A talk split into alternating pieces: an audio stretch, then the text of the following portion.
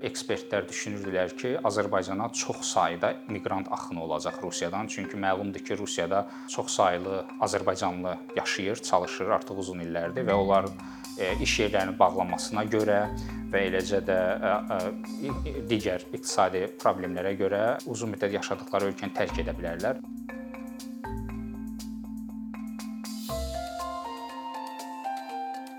2022-ci ilin fevral ayından e, etibarən Rusiya-Ukrayna arasında yeni hərbi münaqişə, müharibə başlayıb və e, həmin e, aydan etibarən bir çox Avropa ölkələri və Qərb ölkələri Rusiyaya hə, deməli sanksiyalar tətbiq edirlər və bu sanksiyaların əsas məqsədi Rusiya iqtisadiyyatını zəiflətmək və onu bu münaqişədən, bu müharibədən geri çəkməkdir.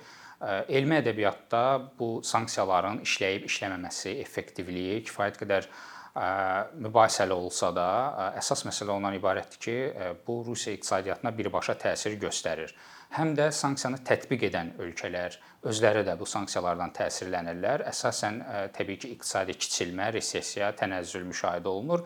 Amma üçüncü ölkələr də var ki, həmin ölkələr də bu sanksiyalardan təsirlənirlər. Məsələn, Elmi ədəbiyyatda Şərqi Avropa ölkələri, Orta Avropa ölkələri sübut olunub ki, onların nəqliyyat sektoru, bəzi sahələri e, tənəzzül yaşayıblar e, və bu postsovet məkanına da hal-hazırda aiddir. Çünki e, Rusiya ilə uzun illərdir inteqrasiya eləmiş, iqtisadi əməkdaşlıq eləmiş ölkələr bu sanksiyalardan təsirlənirlər. Azərbaycan da onlardan biridir.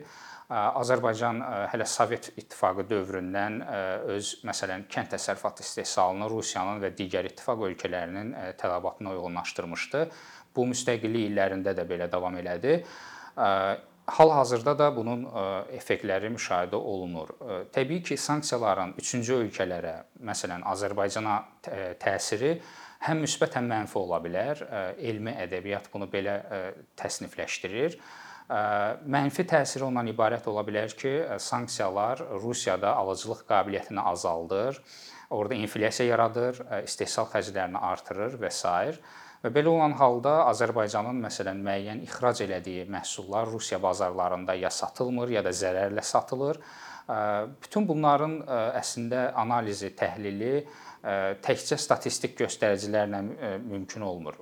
Siz həm də keyfiyyət məlumatları toplayaraq bu mövzuları analiz eləyə bilərsiniz. O, o baxımdan bizim ötən il bir tədqiqatımız oldu. Bu tədqiqat çoxsaylı mütəxəssis rəyinin toplayıb daha sonra onun tematik analizini, tematik təhlilini icra etməkdən ibarət oldu və analiz bir neçə əsas mövzunu aydınlaşdırdı ki, həmin mövzular çərçivəsində biz potensial təsir mexanizmlərini görə bilərik.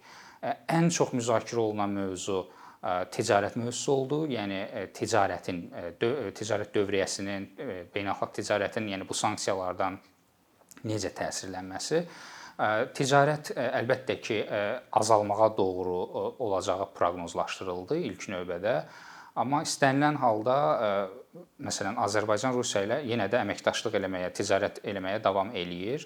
Amma ilkin müzakirələrdə ekspertlər, mütəxəssislər belə hesab edirlər ki, təsir mənfi olacaq. İkinci ən böyük mövzu və potensial təsir mexanizmi xidmətlər sektoru oldu. Xidmətlər sektorunda bankçılıq çox mühüm rol oynadı, çünki Rusiya SWIFT-dən kənarlaşdırıldı və bu kənarlaşdırılma Azərbaycan kimi məsələn qonşu bir Rusiyaya qonşu bir ölkənin Rusiya ilə olan maliyyə əlaqələrinin kəsilməsinə səbəb oldu. Bu da həm də istehsalçıların əslində öz ixrac qabiliyyətini belə deyək, azalmasına səbəb oldu. Sığorta sektoru da Azərbaycanda Rusiya ilə əslində çox əlaqəlidir. Bu bir qədər kölgədə qaldı, amma sığorta sektorunda da durğunluq, tənəzzül müşahidə oluna bilər Azərbaycanda. Və ən əsası nəqliyyat sektorudur ki, hansı ki, xidmətlər sektorunun tərkib hissəsindədir və Rusiya artıq problemli region sayıldığına görə və cənubda da İran problemli ölkə olduğuna görə Azərbaycan şərqlə qərb arasında çox yaxşı bir alternativ kimi daha da qabardı. Əlbəttə ki, əvvəlcədən də bu belə idi, amma sonradan bu daha da belə deyək, qabardı. Orta dəhliz çox mühüm rol oynayır hal-hazırda bir çox müzakirələrdə. Digər bir mühüm mövzu kənd təsərrüfatı və ərzaq təhlükəsizliyi oldu. Kənd təsərrüfatında çox maraqlı bir vəziyyət var ki, Azərbaycanda həm idxal, həm də ixrac əslində Rusiyadan asılıdır. ixrac o baxımdan ki, fermerlər uzun illərdir ki, əsasən Rusiya ilə əməkdaşlıq edirlər. Onlar bir çox fermerlərin, bir çox kənd təsərrüfatı ixracatçılarının bildiyi yeganə dil xarici dil rus dilidir. Belə olan halda hal-hazırda Rusiyada baş verən tənəzzül, iqtisadi kiçilmə, işsizlik və inflyasiya kimi məsələlər onların tələb tələbini azaldır, belə deyək, xaricdən alınan məhsullara və bu da fermerlərə zərər verir. Azərbaycanın idxalı da uzun illər əsasən taxıl məhsulları olub ki, Rusiyadan. Bu da böhran vaxtı, yəni müharibə başlayandan etibarən Rusiyanın müəyyən diqqət mərkəzində oldu. Rusiya özü öz ixracını belə deyək azaltdı. Buna kontrsanksiyalar da deyirlər və bu Azərbaycan üçün məsələn qıtlıq və qıtlıqdan doğan qiymət artımı demək idi. Amma buna baxmayaraq 2022-ci ildə dövlət tədbirləri, yəni hökumətin gördüyü tədbirlər kifayət qədər çevik oldu. Yəni strateji rezervlər yığıldı, Qazaxıstanla əməkdaşlıq olundu və s. Digər mühüm mövzu əslində miqrantlar mövzusu oldu. Belə bir məsələ var idi ki, ekspertlər düşünürdülər ki, Azərbaycana çox sayda miqrant axını olacaq Rusiyadan. Çünki məlumdur ki, Rusiyada çox saylı azərbaycanlı yaşayır, çalışır artıq uzun illərdir və onlar iş yerlərinin bağlanmasına görə və eləcə də digər iqtisadi problemlərə görə öz uzun müddət yaşadıkları ölkəni tərk edə bilərlər. Lakin bu kritik həddə müşahidə olunmadı. Müharibə hələ də davam eləyir. O baxımdan ola bilər ki, yaxın gələcək üçün aktual bir mövzu kimi hələ də qalıb. Amma istənilən halda bu məqam hal-hazırda çox da müşahidə olunmur. Mütəxəssislərin sosial mediada və internet səhifələrində əsasən fikir bildirdikləri digər mövzu monetar çağırışlar olub. Yəni Azərbaycanda tutalım, Azərbaycan manatının yenidən devalvasiyaya məruz qalması yenidən müzakirə olundu. Lakin bu da o qədər də özünü doğrultmur, çünki Mərkəzi Bank və dövlət siyasəti bu istiqamətdə hələ ki davam eləyir. Yəni manat sabit məzənlə ilə davam eləyir. Bundan əlavə idxal inflyasiyası ehtimalı yüksək idi və bu müşahidə olundu. Çünki Azərbaycan Rusiyadan əsasən emal edilmiş sənaye məhsulları idxal eləyir. Müxtəlif kateqoriyalarda, məsələn, avtomobil ola bilər və yaxud da emal olunmuş qida məhsulları ola bilər. Onların qiymətində artımlar müşahidə olundu və sosial mediada da belə deyək, bu fikirlər çox səsləndirilmişdi keçən il. Və digər bir məsələ ümumiyyətlə Azərbaycanda qiymət artımlarıdır ki, bu da əslində nə dərəcədə sanksiyalara bağlı olaraq baş verir, bu hələ də məlum deyil, bu araşdırılmalıdır deyə düşünürəm. Bəzən üçüncü ölkələr kömək eləyirlər ki, sanksiyaya məruz qalmış ölkələr sanksiyadan yayınsınlar. Belə bir hal müşahidə olundu Azərbaycanda da. Kiçik bir startap baxmayaraq ki, Rusiyanın belə deyək, maliyyə fəaliyyətləri məhdudlaşdırılıb, Rusiya vətəndaşlarına kart, bank kartları təqdim edildi. Bu dərhal aşkarlandı və belə deyək, aradan qaldırıldı. Belə nümunələr də olur.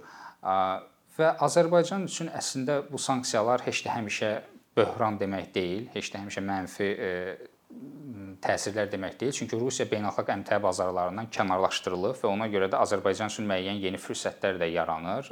Bu fürsətlər tam olaraq əlbəttə ki, Rusiyanı əvəzləmək demək deyil, amma diqqətlə fikir versək, qısa müddət ərzində Avropa ölkələrinin gəlib Azərbaycanda yeni müqavilələr imzalaması buna bir göstər buna bir işarədir.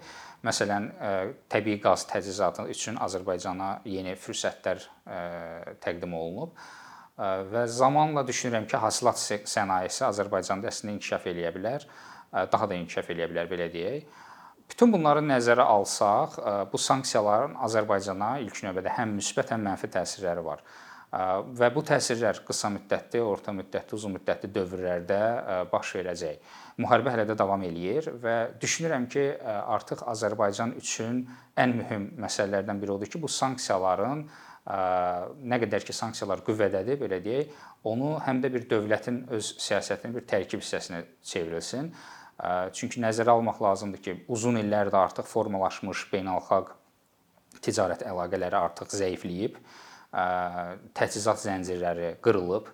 Belə olan halda Azərbaycan yeni reallıqlara uyğunlaşmaq üçün həm də yeni iqtisadi siyasət tədbirləri də görməlidir və düşünürəm ki, zamanla bu yeni reallığa Azərbaycan öyrəşəcək.